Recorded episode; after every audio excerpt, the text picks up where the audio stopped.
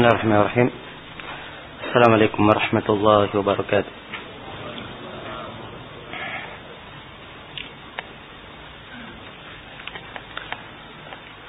الحمد لله رب العالمين والصلاة والسلام على المبعوث رحمة للعالمين نبينا محمد وعلى آله وصحبه ومن تبعكم بإحسان إلى يوم الدين أما بعد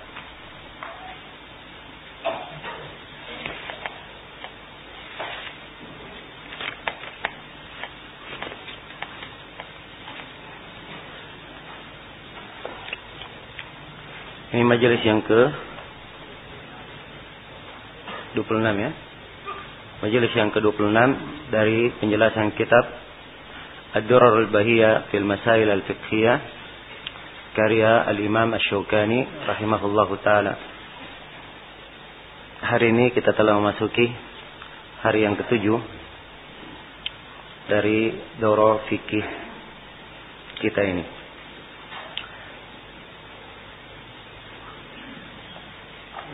Nah.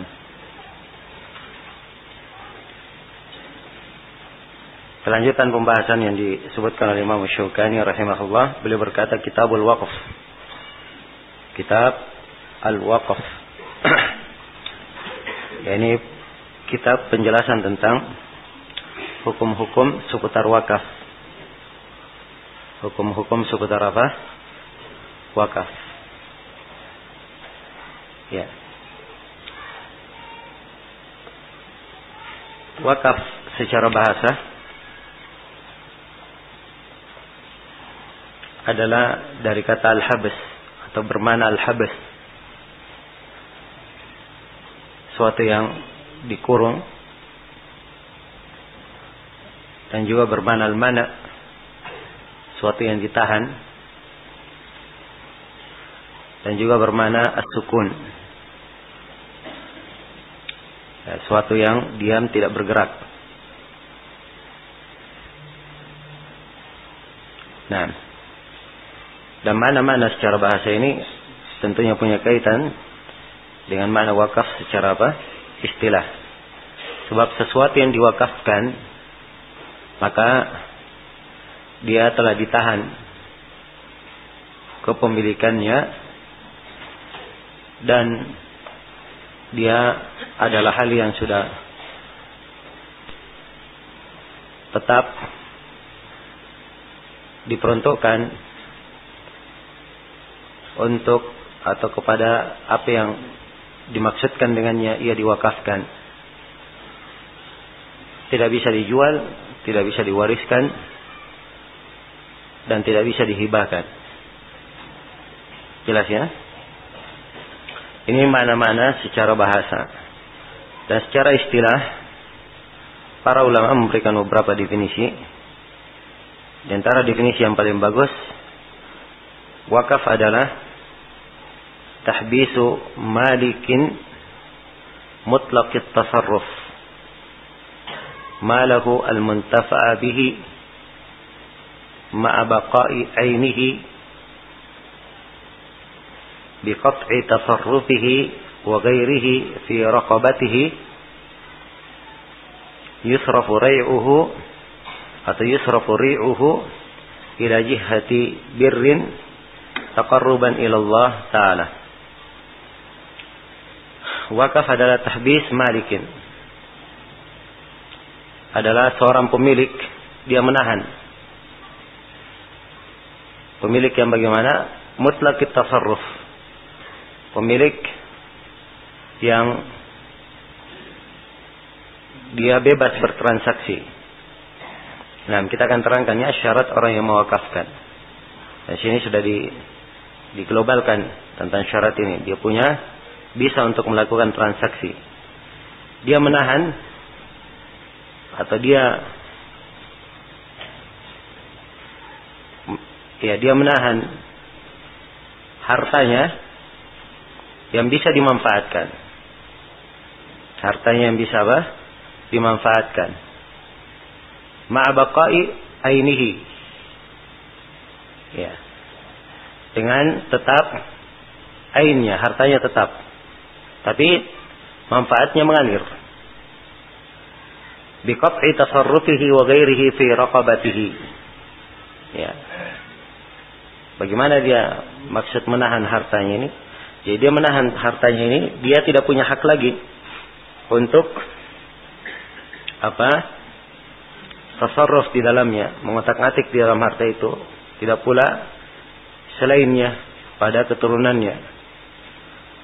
Yusrafu ri'uhu ila jihati bir. Keuntungan dari harta tersebut itu dimanfaatkan untuk kebaikan taqarruban ila Allah taala untuk mendekatkan diri kepada Allah taala. Jadi ini yang disebut dengan wakaf.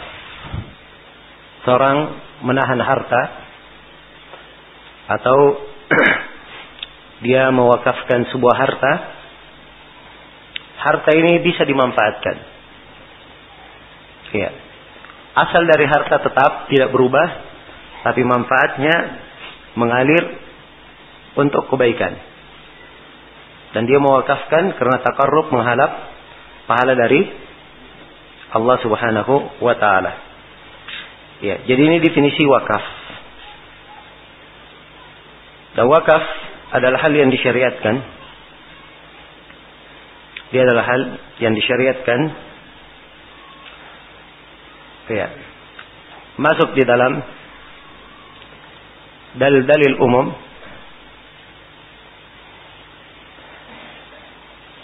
yang menunjukkan tentang disyariatkannya berbuat kebaikan.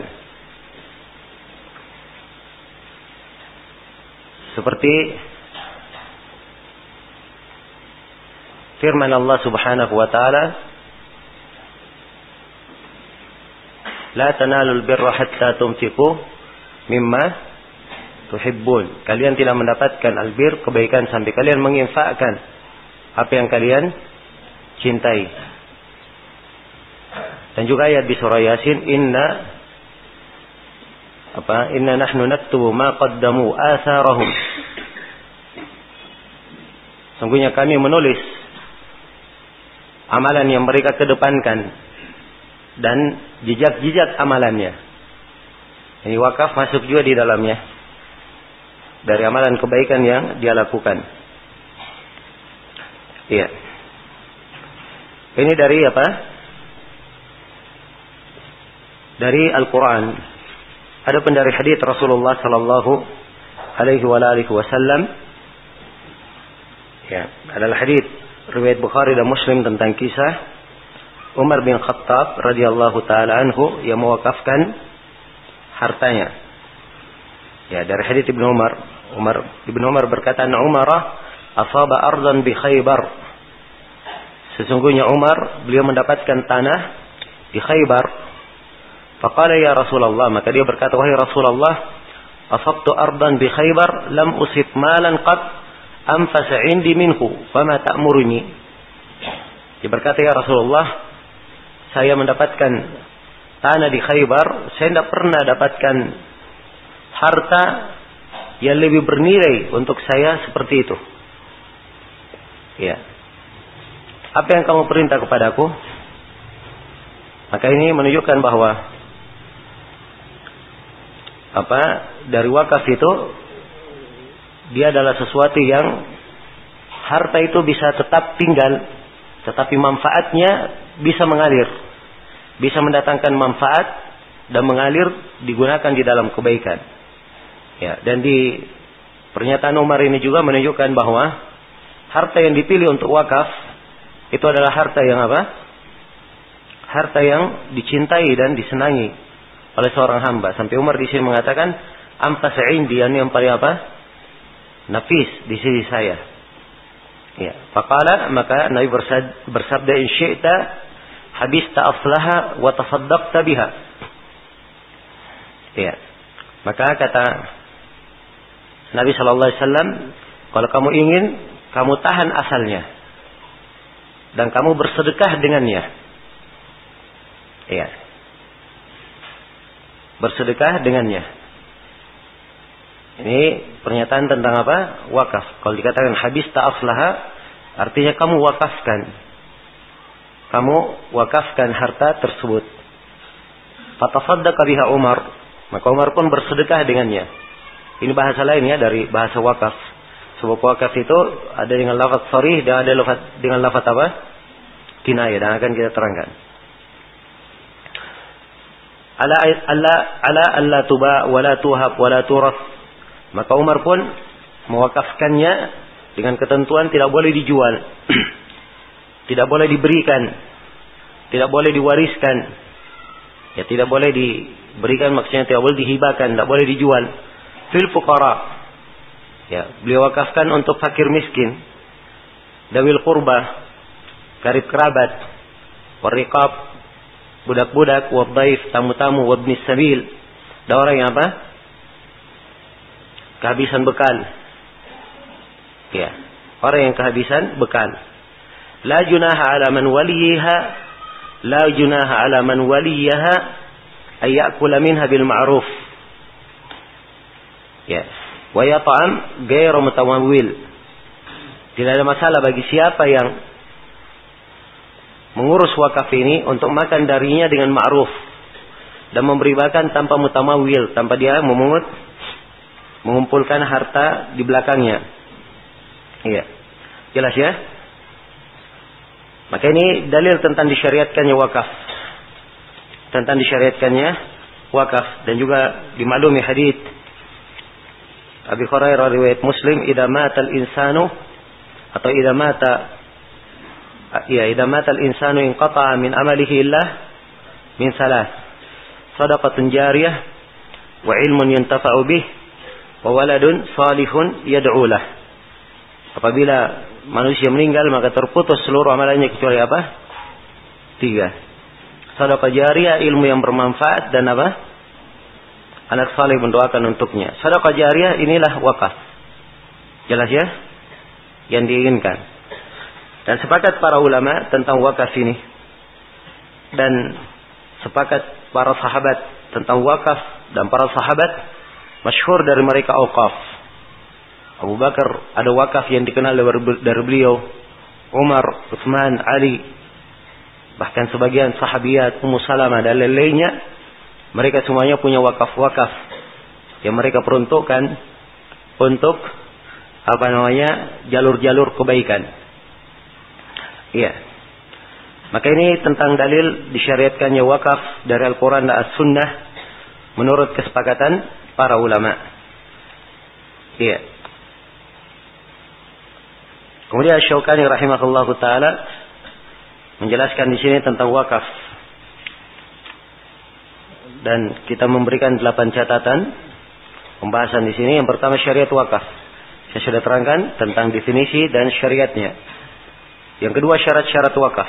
Syukani berkata man habbasa milkahu fi sabilillahi sara muhabbasan. Ya.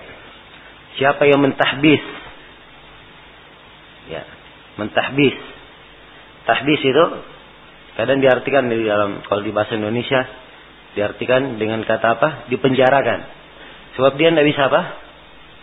Ke mana-mana. Memang diperuntukkan untuk itu saja. Ya, jelas ya?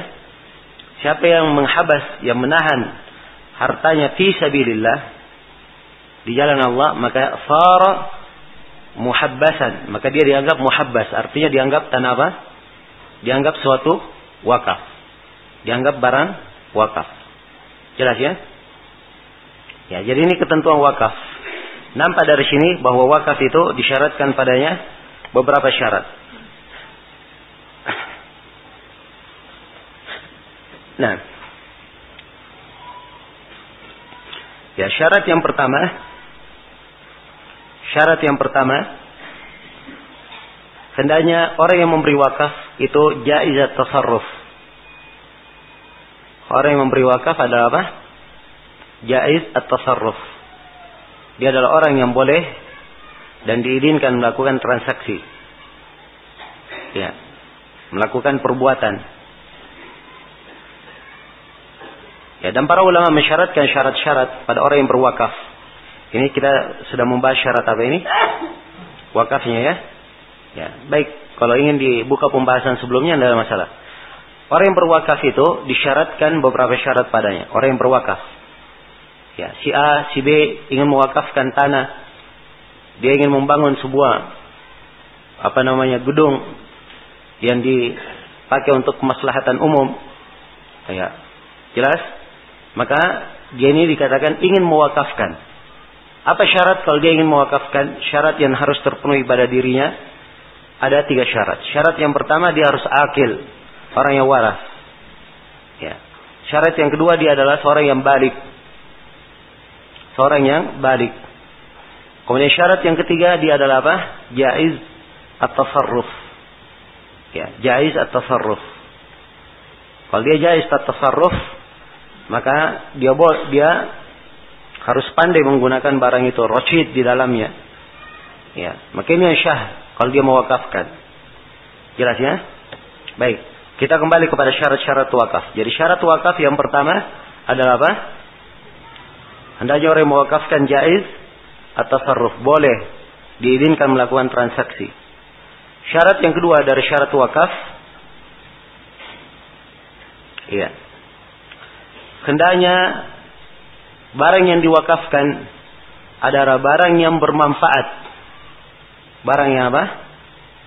Bermanfaat. Iya. Kemudian manfaatnya adalah manfaat yang terus bisa dinikmati. Jelas ya? Bisa dinikmati. Ini syarat yang kedua. Jadi kalau dia mewakafkan sesuatu yang tidak ada manfaatnya, maka ini tidak syah sebagai apa? Sebagai wakaf. Atau dia mewakafkan sesuatu yang manfaatnya tidak tetap.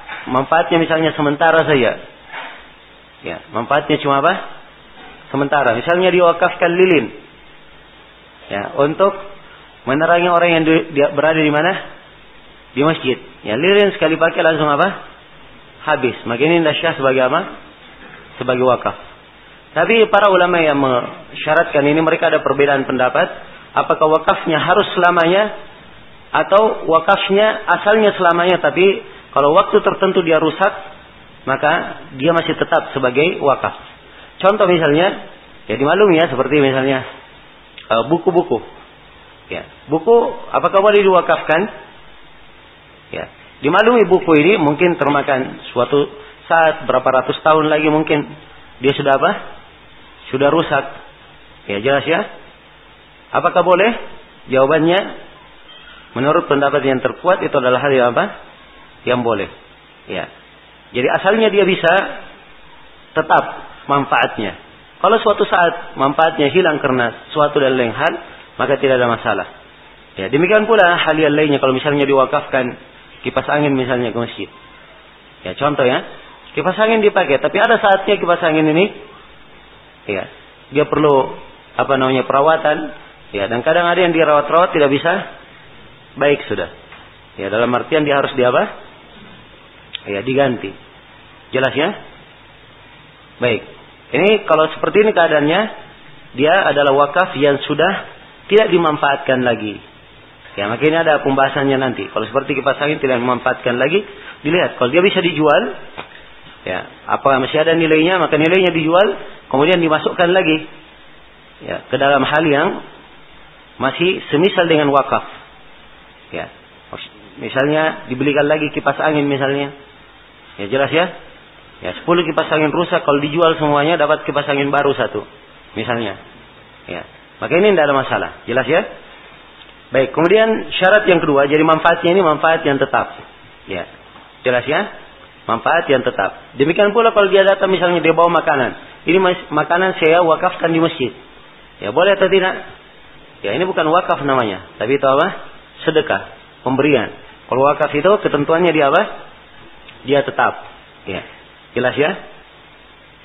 Baik, kemudian syarat yang ketiga dari syarat wakaf, hendaknya dia tentukan harta yang diwakafkan.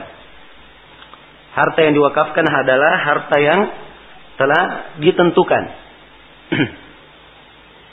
nah, ya. Jadi jangan dikatakan saya wakafkan hartaku. Harta yang mana dia wakafkan? Harus dia apa? Dia tentukan harta, hartanya. Kalau dia katakan saya wakafkan tanahku, Ya. Dia punya banyak tanah, Maka dia harus tentukan tanah yang mana yang diwakafkan. Umar di sini menyebutkan tanahnya yang di mana? Di Khaybar disebut. Ya, bagiannya di Khaybar. Ya. Maka ini penentuan. Ya. Apa? Harta wakafnya. Penentuan harta wakafnya. Kemudian syarat yang keempat, ya, dia harus tentukan dia wakafkan untuk apa. Nah, dan siapa yang menanggung atau siapa yang apa memegang wakaf itu. Iya. Ya kalau dia wakafkan, maka dia tentukan ini wakaf untuk apa. Ya jelas ya. Apakah misalnya ini wakaf untuk uh, para penuntut ilmu misalnya. Atau ini wakaf ya untuk apa orang-orang fakir dan miskin. Atau ini wakaf ya peruntukan untuk karib kerabatnya yang tidak mampu misalnya. Jelas ya? Ini wakaf. Dia tentukan bagaimana jenisnya dan tentunya harus ada orang yang memegangnya. Sebab dia harus masuk ke dalam pemilikan yang tetap. Ya, karena itu dilihat. Ya, siapa yang memegangnya? Ya, kalau dia wakaf yang sifatnya berkait dengan sifatnya umum, maka biasanya yang memegang itu adalah pemerintah. Ada badan-badan khususnya yang memegang wakaf tersebut. Ya, ini dalam ini pembahasan wakaf ini, ini pembahasan termasuk pembahasan yang sangat penting. Dan kalau di sebuah negara dikelola dengan baik, ini termasuk apa hal yang sangat mendukung ya kebaikan kehidupan masyarakat di negara itu. Sebab wakaf diatur sedemikian rupa sehingga manfaatnya apa? Manfaatnya berjalan. Misalnya dia mewakafkan bangunan. Ya, bangunan ini mirip misalnya hotel atau mirip apa? rumah sewa misalnya. Dia wakafkan. Kemudian ada yang menyewa di situ dan hasilnya dibagikan ke mana? Ke jalur-jalur kebaikan. Maka di sini perlu pengelola wakaf yang bisa mengetahui apa yang termaslahat untuk wakaf ini dan bagaimana dikembangkan. Maka asalnya pemerintah yang memegangnya.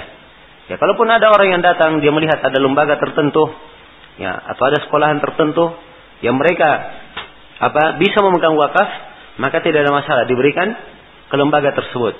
Ya, misalnya diberikan ke yayasan misalnya. Ya, jelas ya? Atau diberikan ke lembaga tertentu yang uh, punya dari sisi catatan sipil, dia punya hak untuk mengelola apa? Wakaf tersebut untuk apa? Kemaslahatan umum. Untuk kemaslahatan umum. Jelas ya? Maka adanya bentuk yayasan-yayasan itu, itu salah satu fungsinya untuk di negara kita di dalam pengelolaan apa? pengelolaan wakaf, dalam pengelolaan wakaf. Ya, sebab hal yang diwakafkan oleh seseorang itu bukan milik pribadi.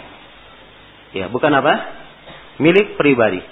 Kalau ada yang bertanggung jawab di wakaf itu yang akan datang disebut nadirul wakaf, dia yang bertanggung jawab ya terhadap wakaf, dia bukan pemilik. Tapi dia melihat apa yang termaslahat bagi apa? Wakaf. Jelas sampai sini ya? Baik. Kemudian berikutnya syarat yang berapa sekarang? Hah? Syarat yang kelima. Ya. Hendaknya wakaf tersebut ya, hendaknya wakaf tersebut atau manfaat dari wakaf tersebut diperuntukkan untuk kebaikan. Diperuntukkan untuk apa? Amalan-amalan kebaikan. Ya, amalan kebaikan beraneka ragam, beraneka ragam amalan kebaikan. Maka kalau seorang datang dia berkata, saya ini saya sudah wakafkan, artinya amalan kebaikan apa pun bisa dia apa? Bisa dimasukkan di dalamnya. Iya. Jelas bisa dimasukkan di dalamnya. Tapi kalau misalnya dia berkata, ini tanah misalnya atau ini gedung misalnya saya bangun dan saya wakafkan untuk fakir miskin saja misalnya. Atau saya wakafkan untuk para penuntut ilmu saja. Ya, maka asalnya dia digunakan untuk apa? Untuk itu saja. Karena dia mewakafkan untuk itu. Dan Umar ketika beliau wakafkan tanahnya di Khaybar, beliau tentu, tentukan siapa-siapa saja yang diberikan dari apa? Wakaf itu. Padahal ya sumber-sumber perbuatan kebaikan itu banyak. Tapi Umar membatasi pada siapa yang dia sebut saja. Baik. Jadi ini syarat yang keempat ya di wakaf itu dipergunakan untuk kebaikan. Kemudian yang kelima dari syarat wakaf, Hah? Baik yang keenam dari syarat wakaf, wakaf ini tidak boleh diberikan pada saat tidak boleh dikeluarkan oleh si pewakaf pada saat sakit yang dia mati di situ atau diberikan setelah dia meninggal. Jelas ya? Sebab kalau dia tentukan wakaf ketika akan meninggal atau setelah dia meninggal ahli warisnya mengeluarkan darinya wakaf, maka itu lain lagi hukum lain lagi hukumnya. Sebab ini ada pembahasannya dengan wasiat dan pembahasan apa? Warisan. Itu bukan terkait dengan masalah apa? Masalah wakaf. Ya, jadi kalau dia ingin keluarkan wakaf itu di waktu dia sehat. Di waktu dia apa? Dia sehat. Di waktu ya bukan dia sakit. Di waktu dia sehat dia sudah mengeluarkan wakafnya. Adapun kalau dia mau meninggal, kemudian dia mengatakan ini saya wakafkan, maka apa yang dia katakan dia wakafkan itu namanya apa? Wasiat dan wasiat akan datang hukumnya. Ya akan datang hukumnya dan penjelasannya. Jelasnya? Baik. Kemudian syarat yang keberapa sekarang? Syarat yang ketujuh hendaknya wakaf tersebut adalah wakaf yang sudah kontan, sudah siap langsung. Ya, jelas? Bukan wakaf yang hanya baru dijanjikan. Ya. Atau wakaf yang ditaklik. Ya, wakaf yang ditaklik dengan sesuatu. Ini tanah ini wakaf ya sebulan lagi. Dia sebut sebulan lagi. Ya ini belum syah. Nanti kalau dia datang sebulan lagi, dia katakan ini sewakafkan, itu tidak ada masalah. Jelas ya? Tidak ada masalah. Baik. Ini tujuh syarat dari syarat apa? Syarat wakaf. ya. Lafat mewakafkan itu ada dua macam. Ada lafat sorry dan ada lafat apa? Kinayah. Ya kadang pakai sorry dengan kata ya habastu. Ya. Waqaftu. Ya. Sabbaltu. Ya. Saya wakafkan hal ini.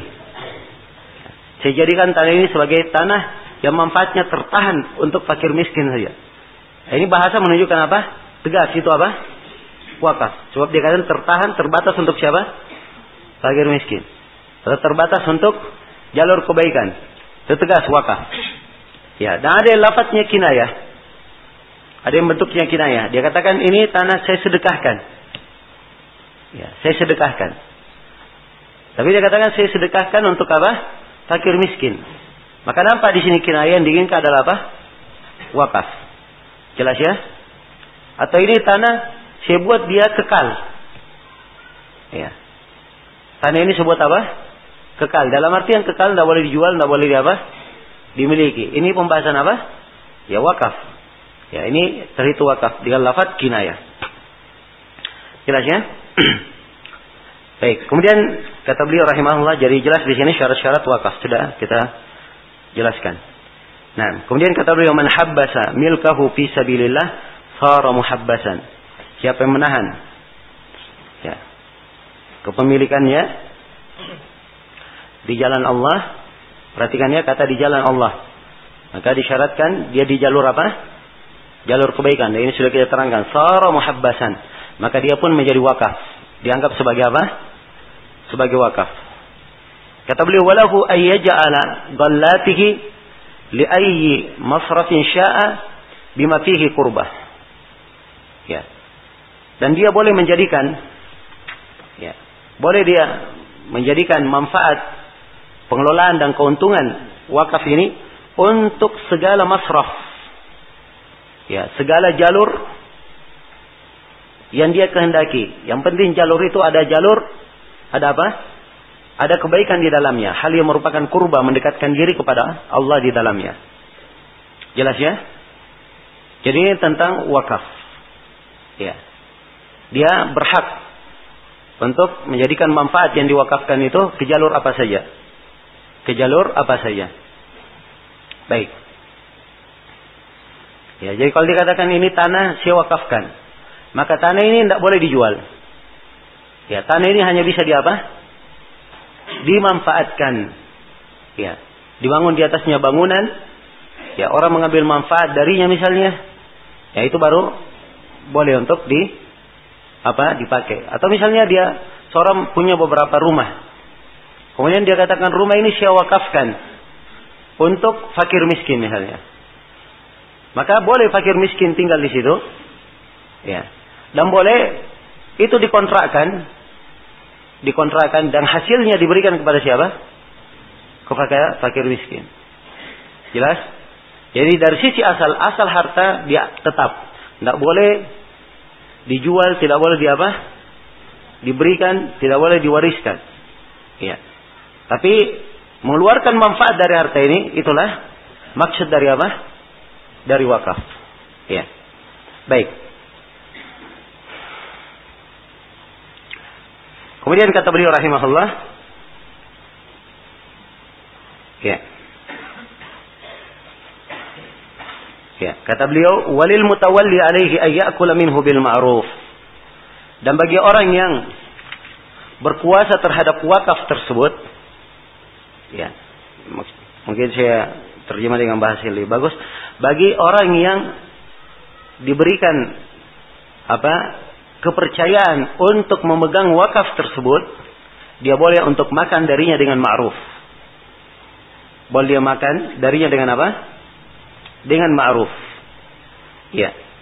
Ini al-mutawalli, orang yang diberi kepercayaan memegang wakaf, inilah yang disebut dengan nama apa? Nadir al-waqaf. Ya, nadir apa? Al-waqaf. Orang yang memandang wakaf ini, orang yang memegang wakaf tersebut. Ya dia memegang wakaf ini bukan pemilik dia. Tapi dia melihat apa? Kemaslahatan untuk wakaf tersebut. Dan untuk nadir wakaf ini disyaratkan beberapa syarat. Syarat yang pertama dia harus seorang muslim. Dia harus siapa? Seorang muslim.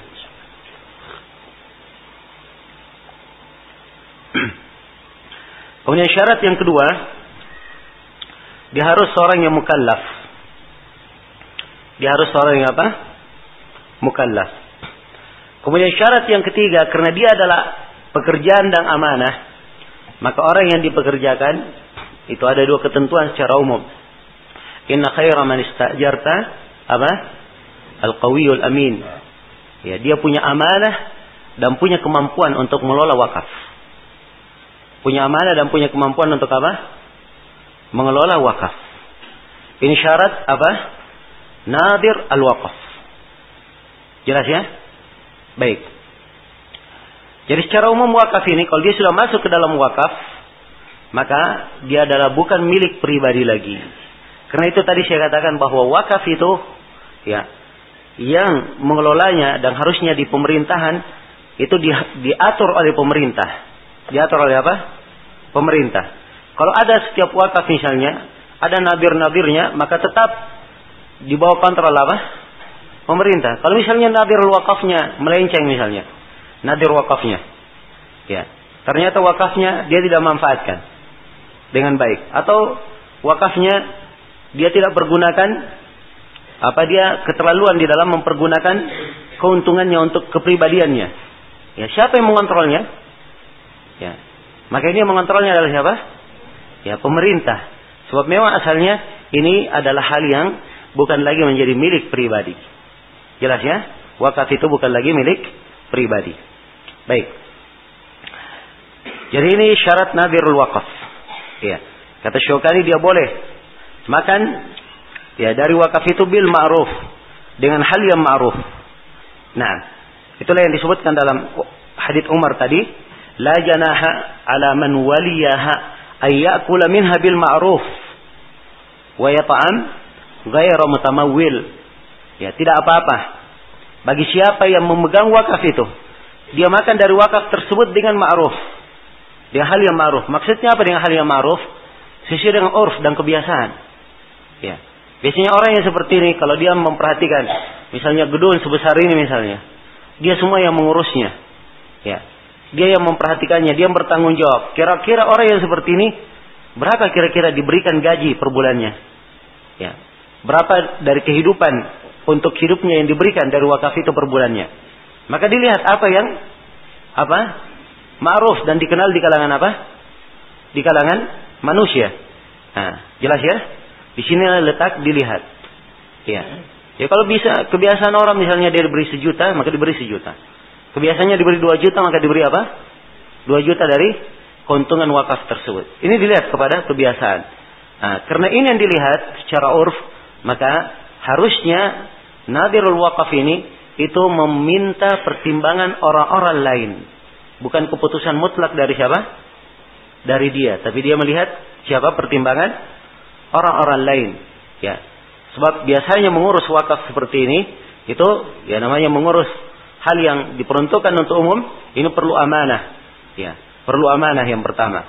Kemudian yang kedua itu adalah letak yang banyak syubhat di situ. Kadang orang dituduh dengan tuduhan-tuduhan yang apa? Yang tidak benar. Ya, jelas ya? Dan ini dijaga oleh Nabi Shallallahu Alaihi Wasallam.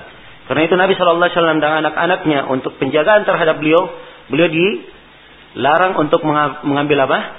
makan dari harta sedekah. Diharamkan harta sedekah terhadap Nabi dan apa? Bani Hashim. Diharamkan untuk mereka. Jelas ya? Ini penjagaan. Sebab memang dalam kedudukan beliau seorang Nabi, layak beliau dijaga di dalam hal ini. Jelas ya? Maka ini perlu diperhatikan aturan-aturan yang terkait dengan hal ini. Iya. Kemudian juga setiap orang, iya, dia tahu keberadaan dirinya dalam sebuah wakaf. Ya. Jadi wakaf itu apa kedudukannya? Ya. Kalau dia sebagai apa namanya eh, pengelola, maka dia laksanakan tugasnya sebagai pengelola nadir wakaf. Orang yang memperhatikan wakaf itu.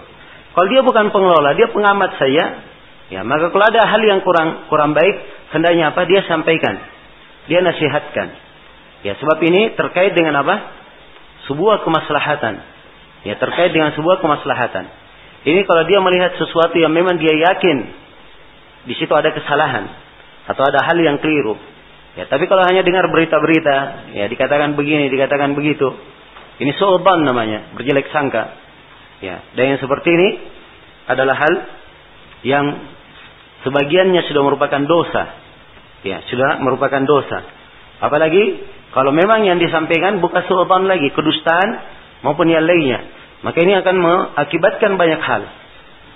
Akan mengakibatkan adanya ketidakpercayaan terhadap orang yang mengelola maslahat umum sehingga hal-hal yang tadinya baik orang berjelek berjelek tidak baik terhadapnya. Berjelek tidak baik apa bersangka tidak baik terhadapnya. Maka hendaknya setiap orang punya apa namanya punya akal dan punya tahu kadar dirinya. Dia berada di posisi mana, di kondisi mana. Iya dan dia posisinya sebagai apa. Maka harusnya dia kalau ingin menasihati dia berikan dengan cara yang baik, dengan cara yang baik. Ini harusnya yang dilakukan dalam berbagai bentuk awqaf. Ya, dan kita tahu ya di hal-hal yang secara umum berkaitan dengan dakwah, ya apakah di Makassar ini maupun di lain di selainnya dari ya berbagai kota di Indonesia ini, bahkan di seluruh dunia ini, semuanya banyak terkait dengan awqaf, dengan wakaf-wakaf. Ya, Sebab namanya ada ta'awun alal birri wa taqwa. Ya, orang yang mewakafkan dia ingin berbuat baik. Kan begitu. Maka dia perlu orang yang bisa mengelola wakaf itu supaya diarahkan kepada apa? Kebaikan. Maka untuk terwujud hal ini, maka harus ada jasa yang baik dari semua pihak. Harus ada jasa yang baik dari semua pihak yang menunjukkan tahun ingin apa namanya? Ya, uh, uh, ada menunjukkan tahun ingin mewujudkan kemaslahatan dan kebaikan di tengah umat. Ya, maka sifat yang seperti ini yang hendaknya kita kembangkan. Ya, untuk kemajuan dan kemaslahatan dakwah. Ini yang saya sayangkan kadang pada sebagian ikhwah, kadang ada yang tidak cocok misalnya. Ya, atau ada dia punya pendapat sendiri, ya. Kalau dia diam, itu lebih bagus baginya. Tapi ini tidak, kadang berbicara. Berbicara dengan sangkaan, ya, dan kadang berbicara dengan hal yang tidak sesuai dengan kebenaran. Tidak sesuai dengan kebenaran. Dan ini adalah hal yang keliru. Dia sudah banyak dalam sudah banyak jatuh di dalam dosa.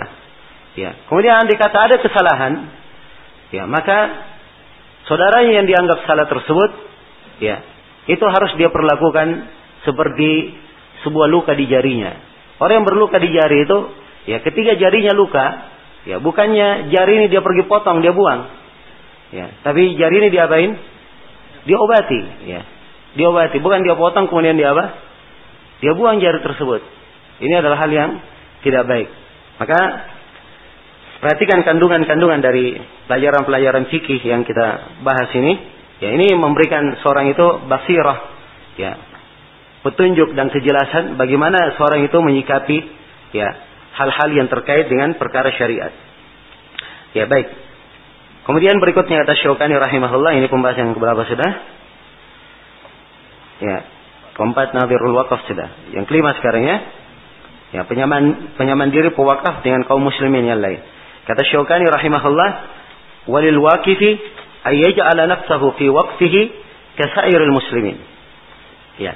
Dan bagi orang yang mewakafkan dan bagi orang yang mewakafkan dia boleh menjadikan dirinya ya pada wakaf yang diwakafkan itu sama dengan seluruh kaum muslimin. Sama dengan seluruh apa? Seluruh kaum muslimin. Iya. Dan ini berdasarkan apa yang diriwayatkan oleh Imam Al-Bukhari secara muallak. Ya. Nah. Tentang dari Utsman bin Affan radhiyallahu taala anhu di mana disebutkan di situ sabda Nabi sallallahu alaihi wasallam fayaj'al fiha dalwahu ma'a dilail muslimin. Hendaknya dijadikan ya pada wakaf itu timbanya dia sama dengan timba kaum muslimin yang lainnya. Sama dengan timba apa? Kaum muslimin yang lainnya. Nah, baik. Jadi mewakafkan kondisinya seperti ini. Ya, orang yang mewakafkan, dia boleh mewakafkan hartanya, tapi dan dia boleh juga menjadi apa? Nadirul wakaf. Dia boleh menjadi apa? Nadir al-wakaf. Dia sendiri yang melihatnya. Tapi kalau dia berbuat seperti Umar, maka itu lebih bagus. Ya, dia mewakafkan, tapi dia jadikan apa? Orang lain sebagai apa? Nadir wakafnya. Ya, supaya ini dia akan lebih apa? E, terkesan sempurna di dalam mewakafkan. Sempurna di dalam apa? Mewakafkannya. Baik. Kemudian kata beliau rahimahullah, "Wa man waqafa syai'an mudararatan." Ya, di sebagian riwayat mudaratan dan dalam masalah di manuskripnya begitu ya. Liwarithihi kana waqfuhu batilan. Siapa yang mewakafkan sesuatu, siapa yang mewakafkan sesuatu, dia ingin membahayakan ahli warisnya, maka wakafnya dianggap batil. Misalnya dia mewakafkan harta.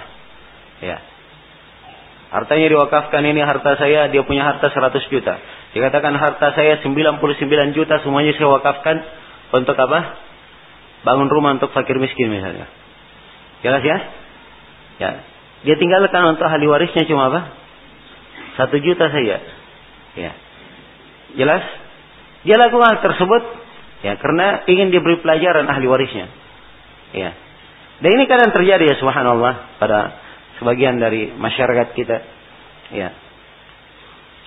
Kadang dia punya masalah. Ahli waris kan banyak dari pihak istri, dari pihak anak, ya, dari pihak ini dan seterusnya. Terjadi perceraian antara suami dan istri. Ya. Anak tetap mewarisi dari ayah dan apa? Ya, dari ayah kan begitu atau istrinya. Ya. Maka berhubung karena si anak ini dia ikut sama ibunya, ya dan semuanya kontra dengan si ayah, sudah kamu tidak ada warisan dari saya. Ya, ini tidak diperbolehkan. Jelas ya? Sebab asalnya dia adalah apa? Anaknya. Ya, memiliki hak waris darinya. Jadi kalau misalnya dia sengaja mewakafkan hartanya untuk membahayakan anaknya, maka ini apa? Tidak diperbolehkan. Ya, dalil umumnya tentang tidak diperbolehkan adalah hadis Rasulullah sallallahu alaihi wasallam la darar wala dirar. Ya, tidak ada bahaya dan tidak boleh membahayakan. Nah. Baik. Kemudian kata beliau rahimahullah, "Wa man wada'a malan Ya. Ini pembahasan yang ke tujuh. Wakaf terhadap sesuatu yang tidak dimanfaatkan. Man wada amalan fi masjidin atau mashhadin la yantafi'u bihi ahadun jaza sarfuhu fi ahli al-hajati wa masalihil muslimin. Siapa yang meletakkan harta di sebuah masjid atau di sebuah masyhad tempat berkumpulnya manusia ya la yantafi'u bihi ahad di mana tidak seorang pun yang mengambil manfaat dengannya, maka jaza sarfuhu boleh untuk digunakan, dimanfaatkan fi ahli hajat pada orang-orang yang punya keperluan wa masalihil muslimin pada apa-apa yang ada maslahat untuk apa? Untuk kaum muslimin. Ya nah jelas ya? Pada apa-apa yang merupakan maslahat untuk kaum muslimin. Ya ya kalau misalnya ada harta di sebuah masjid ya diwakafkan di sebuah masjid harta itu. Diletakkan. Dan di masjid itu sendiri tidak dipakai. Tidak dipakai. Maka ini boleh di apa? Diserahkan kepada yang lain. Ya. Boleh di disalurkan kepada orang yang mempunyai hajat dan apa-apa yang ada kemaslahatan kaum muslimin.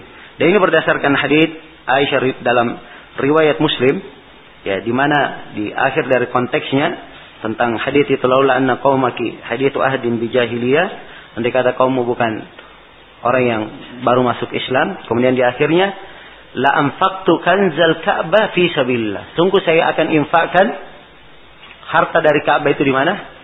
Fi sabilillah di jalan Allah. Ya, jelas ya? Baik.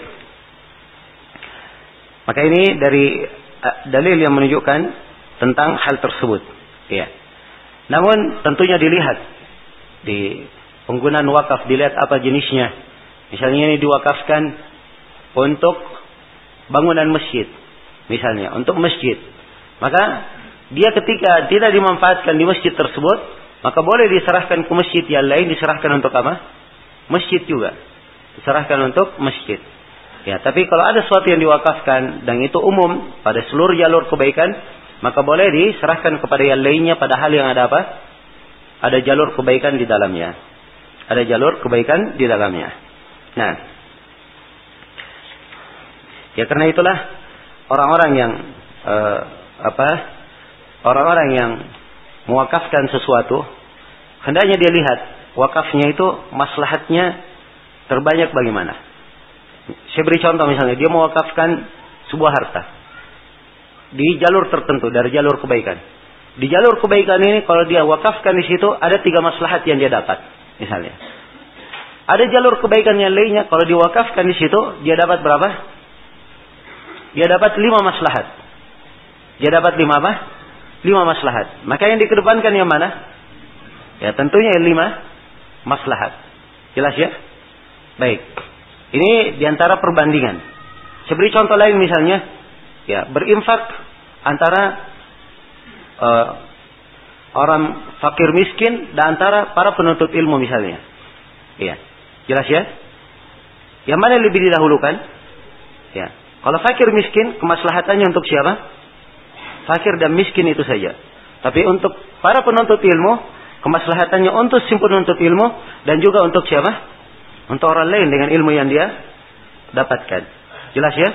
Maka ini sisi-sisi ya pembedaan. Tapi bukan artinya ini berlaku mutlak seperti ini. Karena ada indikasi misalnya di sebuah tempat ini fakir miskinnya ya karena kemiskinan mereka menyebabkan mereka apa? Ya, melakukan berbagai bentuk kriminal dan berbagai bentuk kejahatan yang lainnya. Kalau dibuat wakaf di sini maka ini akan menghilangkan yang lainnya, menghilangkan kejelekan-kejelekan itu. Maka ini ada maslahat yang kedua. Ya, selain dari itu. Maka di sini adalah pentingnya seorang melihat ya, sisi-sisi keistimewaan dan kemaslahatan yang ada pada jalur kebaikan yang dia lakukan di situ. Dia dahulukan yang paling banyak apa? kemaslahatannya. Karena itu kaidah umumnya, kalau ada dua maslahat yang bertentangan, maka dia dahulukan yang paling banyak apa? Maslahatnya. Dia dahulukan yang paling banyak maslahatnya. Baik. Kemudian kata beliau min dalika ma yudau fil Ka'bah atau fi masjidin Nabi sallallahu alaihi wasallam. Di antara contoh ini apa yang diletakkan di Ka'bah dan apa yang diletakkan di masjid Nabi sallallahu alaihi wasallam. Dan ini sampai sekarang masih dilakukan. Ya. Sering orang datang dia letakkan apa saja di situ di masjid. Ya. Tiba-tiba datang ada orang hajian. Ya, dia perlu pakai kursi, duduk kursi roda. Ya. Dia datang bawa kursi. Ya. Beli kursi sendiri padahal di dalam ada kursi-kursi wakaf. Tapi tidak, dia mau beli kursi sendiri. Dia beli kursi sendiri, setelah itu begitu dia pulang, ya dia tulis di situ namanya. Ini wakaf dari fulan bin fulan. Ya, jelas ya? Fulan bin fulan. Akhirnya tiap kali orang datang haji, penuh masjid itu. Mungkin kalau dikumpul semua masjidnya akan penuh dengan apa? Penuh dengan kursi. Ya, jelas ya? Maka ini tidak dimanfaatkan. Harusnya diberikan ke mana? Ya diberikan ke masjid-masjid yang lain yang perlu apa? Perlu kursi di situ. Tentunya orang sholat tidak tidak pakai kursi ya, tapi orang-orang tua kadang apa? Yang tidak bisa berdiri, kadang dia perlu apa? Kursi duduk di atas kursi. Jelas ya? Nah, ini contoh ya, contoh dari bagaimana wakaf itu dimanfaatkan dan dialihkan. Nah, dan di sini juga dibahas oleh para ulama tentang wakaf yang sudah ta'attalat masalihu. Kemaslahatannya sudah apa? Sudah habis, sudah hilang. Misalnya diwakafkan masjid. Ya ternyata masjid itu sudah apa? Sudah tidak dipergunakan lagi, tidak dipakai lagi. Iya. Mau dihidupkan juga tidak bisa dihidupkan lagi karena ada sebab-sebab yang terjadi. Misalnya. Maka ini bagaimana keadaan tanah wakafnya? Ya, maka di sini boleh tanah wakaf ini dia apa?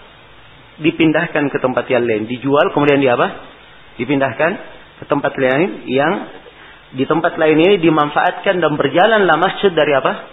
Maksud dari wakaf itu. Sebab maksud dari wakaf asalnya tertahan, manfaatnya apa? manfaatnya mengalir. Ini tidak ada manfaat yang mengalir. Ya. Maka ini tidak sejalan dengan mana dan maksud dari wakaf. Jelas sampai sini ya? Baik. Kemudian kata beliau yang terakhir di sini dalam pembahasan wakaf, kata beliau wal waqfu 'alal kuburi li raf'i li raf'i samkiha wa tazyiniha atau fi'li ma yajlibu 'ala zairiha fitnah batilun. Ya. Kata beliau dan wakaf terhadap kuburan Ya. Dengan mengangkat bangunan kuburan ini menjadi tinggi, atapnya menjadi tinggi. Watajiniha. Dan kuburan itu dihiasi. Ya. Atau dia melakukan perbuatan yang membuat fitnah orang yang mengunjunginya. Maka wakaf yang seperti ini adalah wakaf yang batil. Wakaf yang apa? Batil. Ya, dan telah kita sebutkan salah satu dari syarat wakaf, wakaf itu harus apa? Di amalan kebaikan. Begini bukan amalan apa? Bukan amalan kebaikan. Ya. Ini bukan amalan kebaikan. Sebab kubur tidak boleh dihiasi, tidak boleh dibanguni, tidak boleh ditinggikan kubur itu. Ya, jelas? Dan di dalam hadis Ali bin Abi Thalib yang diriwayatkan oleh Imam Muslim, ya Ali berkata bahwa Rasulullah sallallahu alaihi wasallam memerintah beliau, "Allah yada'a qabran musyrifan illa sawahu." Ya. Nah, jadi beliau berkata bahwa Nabi memerintah saya Allah ada'u, Allah ada'a qabran musyrifan illa sawaitu wala timsalan illa tomastu. Ya, tidaklah saya meninggalkan kubur yang tinggi kecuali saya ratakan. Tidak pula ada gambar kecuali saya hapus gambar tersebut. Jelas ya? Maka hal yang batil seperti ini, ini tidak syah untuk apa? Dijadikan sebagai wakaf. Hilang padanya syarat dari wakaf. Baik ini uh, beberapa penjelasan yang berkaitan dengan masalah wakaf. Kemudian berikutnya kata Asy-Syaukani rahimahullah taala ya, Kitabul Hadiyah. Ini kitab berkaitan dengan masalah apa? Dengan masalah hadiah. Nah, hadiah adalah sebuah pemberian. Ya. Hadiah dimaklum ya dari sisi bahasa adalah pemberian. Ya. Dan hadiah yang dimaksudkan adalah dia menyerahkan harta. Dia menyerahkan harta untuk dimiliki tanpa bayaran. Ya, tanpa apa? Tanpa bayaran. Iya. Itu yang dimaksud dengan nama apa? Al-hadiyah. Nah. Baik. Kata Syukani rahimahullah taala yushra'u kubuluha. Ya. Hadiah itu disyariatkan untuk diterima. Hadiah disyariatkan untuk diterima. Baik. Pertama sebelum kita bahas tentang disyariatkan menerima hadiah, ya. Memberi hadiah itu adalah hal yang apa? Disyariatkan. Soalan sering memberi hadiah, adanya hadiah, ya. Dia kadang masuk dalam berbuat ihsan, ya. Dan dalam Al-Quran ada sejumlah ayat yang menunjukkan tentang hal itu, dan kadang dia masuk ke dalam perbuatan baik, amalan bir, ya. Dan Nabi Shallallahu Alaihi Wasallam menganjurkan untuk orang itu saling memberikan hadiah dan membalas ya orang yang memberi hadiah dengan apa yang semisal dengannya atau lebih jelas ya maka di sini uh, diterangkan oleh Syaukani rahimahullah bahwa hadiah itu disyariatkan untuk diterima disyariatkan untuk apa diterima Nah, di antara dalil yang disebutkan adalah hadits Abi Hurairah riwayat Al-Bukhari.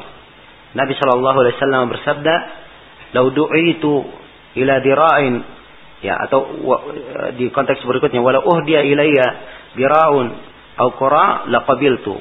Andai kata dihadiahkan kepadaku hanya dira, hanya apa namanya? Hanya e, tangannya atau kakinya atau qura, maka saya akan apa? Akan terima, akan terima. Jadi hadiahkan misalnya kambing hanya diberi sebagian, beliau akan menerimanya. Akan menerimanya. Nah, dan juga diriwayatkan oleh Imam Al-Bukhari dari hadis Aisyah, karena Nabi sallallahu alaihi wasallam yaqbalul hadiyah wa yusibu 'alaiha. Adalah Nabi sallallahu alaihi wasallam beliau menerima hadiah dan membalasnya. Ini pembahasan yang kedua ya tentang membalas hadiah. Ya. Nabi menerima dan beliau apa? Membalas dari hadiah tersebut.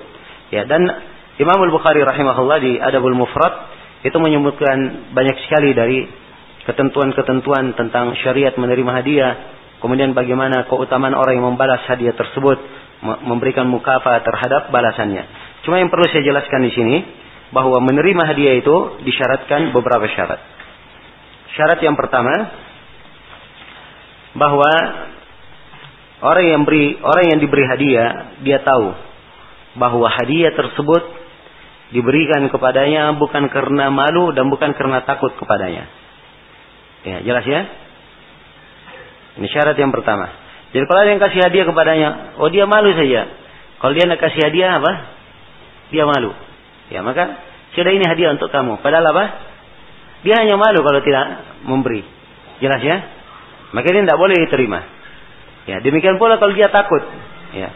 Dari awal kali datang misalnya ya dia kena punya kedudukan misalnya ya sebagai pemeriksa atau sebagai ya keamanan ya datang ya kemudian diberi hadiah maka ini itu diberi karena apa karena takut ya maka ini tidak boleh diterima. Tidak boleh apa? Diterima. Dan telah berlalu bersama kita hadis bahwa tidak halal mengambil harta seorang muslim illa bitibatin apa? Min nafsi. Kecuali dari jiwa dia yang senang memberikannya.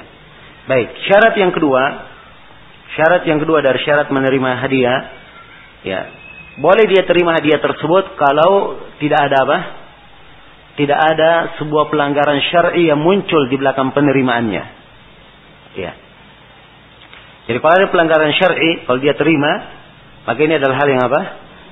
Tidak dibenarkan. Hal yang tidak dibenarkan. Nah, ya. Dia menerima hadiah. Tapi akibatnya apa? Dia jatuh apa dia menerima hadiah tersebut. Ya, tapi hadiah ini mengakibatkan pelanggaran syar'i. Ya. Dia misalnya melakukan riswah. Ya, jelas ya? Itu adalah hadiah yang dia terima karena sogokan, karena dia membantunya dalam sebuah apa? Amalan untuk untuk mewujudkan sebuah hak, ya. Apa untuk membatalkan sebuah hak atau membenarkan sebuah yang batil. Jelas ya? Ya. Atau misalnya dia adalah seorang pegawai. Misalnya dia adalah seorang apa? Pegawai. Ya, dia terima hadiah di situ. Maka ini adalah pelanggaran syariat. Sebab seorang pegawai pada pekerjaan yang dia telah digaji di situ tidak boleh dia menerima apa? Tidak boleh dia menerima hadiah. Dan Nabi Shallallahu Alaihi Wasallam telah bersabda hadiatul ummal apa? Gulul. Hadiah para pekerja itu adalah apa? gulul, harta rampasan. Iya. Jelas ya? Kemudian dikatakan e, syarat yang ketiga dari syarat menerima hadiah. Iya. Hadiah tersebut bukan hal yang diharamkan. Bukan hal yang diharamkan pada ainnya, pada zatnya. Ya. Misalnya dia diberi khamar misalnya, hadiah khamar. Boleh atau tidak diterima? Oh, jangan dia berkata, tidak boleh menolak hadiah. Disyariatkan menerima hadiah, diambil hadiahnya. Ya, tidak boleh. Jelas ya? Demikian pula kalau dia beri hadiah bangkai misalnya. Ya, dia terima atau tidak? Ya, ini sama karena dia adalah hal yang diharamkan. Ya. Kemudian yang ketiga, tidak boleh dari syarat